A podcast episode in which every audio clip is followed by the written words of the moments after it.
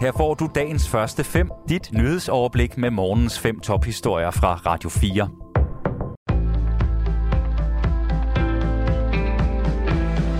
Det er fredag den 4. november. Mit navn er Asbjørn Møller. I dag begynder forhandlingerne om en ny regering i Danmark. Fra klokken 8 finder forhandlingerne sted på Marienborg, hvor fungerende statsminister Mette Frederiksen mødes med partierne. Og der venter en stor opgave for Radikale Venstres nye politiske leder, Martin Lidegaard. Han blev valgt af en enstemmig folketingsgruppe i aftes, og allerede i dag mødes han altså med Socialdemokratiets formand Mette Frederiksen. Som ny politisk leder understreger Martin Lidegaard, at radikale stadig går efter en bred regering over midten. Med de kriser, vi står overfor, både herhjemme og ude i den store verden, der er der brug for, at partierne på Christiansborg rykker sammen og ser det lange lys på for Danmarks skyld. Så det håber vi, vi kan gøre, også på den måde med til at skrive øh, Danmarks historie. Martin Lidegaard overtager posten som politisk leder fra Sofie Karsten Nielsen, og det kan faktisk ende med at gavne samarbejdet med Socialdemokratiet. Det vurderer politisk redaktør på Radio 4, Thomas Larsen. Det er helt oplagt, at forholdet mellem Sofie Karsten Nielsen, den tidligere leder, og så den socialdemokratiske leder, øh, ledelse har været helt elendigt. Øh, så på den måde er det måske også nyttigt i virkeligheden, både for det radikale Venstre og Socialdemokratiet, at der kommer en ny leder øh, ved roret, og som så også kan være med til at prøve prøve at genstarte forholdet mellem de to øh, partier, som altså, jeg vil sige, her og nu er historisk belastet og øh, historisk meget i bund. Folketingets partier kommer til forhandlinger et af gangen.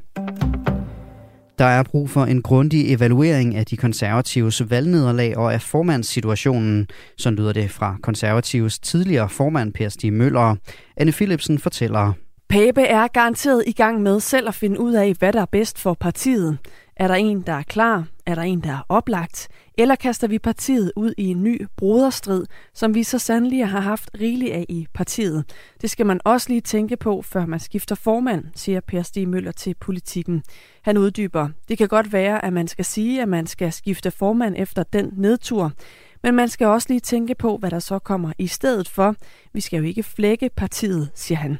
Rasmus Jarlov fra det konservative Folkeparti er meget uenig i den udmelding, som Per Stig Møller kommer med i politikken, det siger han til TV2. Han understreger, at han synes, det er helt forkert overhovedet at åbne diskussionen, fordi det er det sidste partiet har brug for. Det internationale atomenergiagentur har afsluttet en række undersøgelser i Ukraine. Det var undersøgelser, som Ukraine selv havde bedt om, efter Rusland anklagede Ukraine for at forberede sig på at bruge bomber, der kombinerer sprængstoffer og radioaktivt materiale. Noget, der kaldes beskidte bomber. Atomenergiagenturet, der hører under FN, finder dog ingen indikationer på ikke erklærede nukleare aktiviteter eller stoffer, skriver generaldirektør Rafael Grossi i en erklæring ifølge CNN. Efter fremlæggelsen af resultaterne af undersøgelsen kaldte Ukraines udenrigsminister Rusland for verdens største løgner. Han kalder beskyldningerne om beskidte bomber for russisk desinfo og takker Atomenergiagenturet for samarbejdet. Over de seneste dage har det internationale energiagentur haft uhindret adgang til tre specifikke steder i Ukraine, som inspektører har undersøgt for ureguleret atomaktivitet.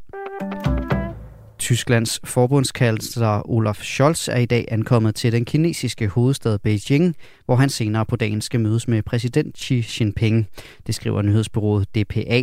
Scholz står i spidsen for en erhvervsdelegation bestående af et dusin topchefer herunder blandt andre topcheferne for Volkswagen, BMW og Deutsche Bank. Den tyske, kansler, den tyske kansler skal sammen med det kinesiske lederskab drøfte de to landes økonomiske samarbejde. Olaf Scholz har lovet at rejse vanskelige spørgsmål herunder spørgsmål om menneskerettigheder og behandling af minoriteter i landet.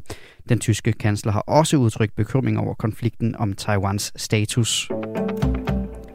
Det amerikanske forbundspoliti FBI har modtaget troværdige oplysninger om en bredt funderet trussel mod synagoger i delstaten New Jersey, det skriver FBI på Twitter ifølge radiostationen WABC.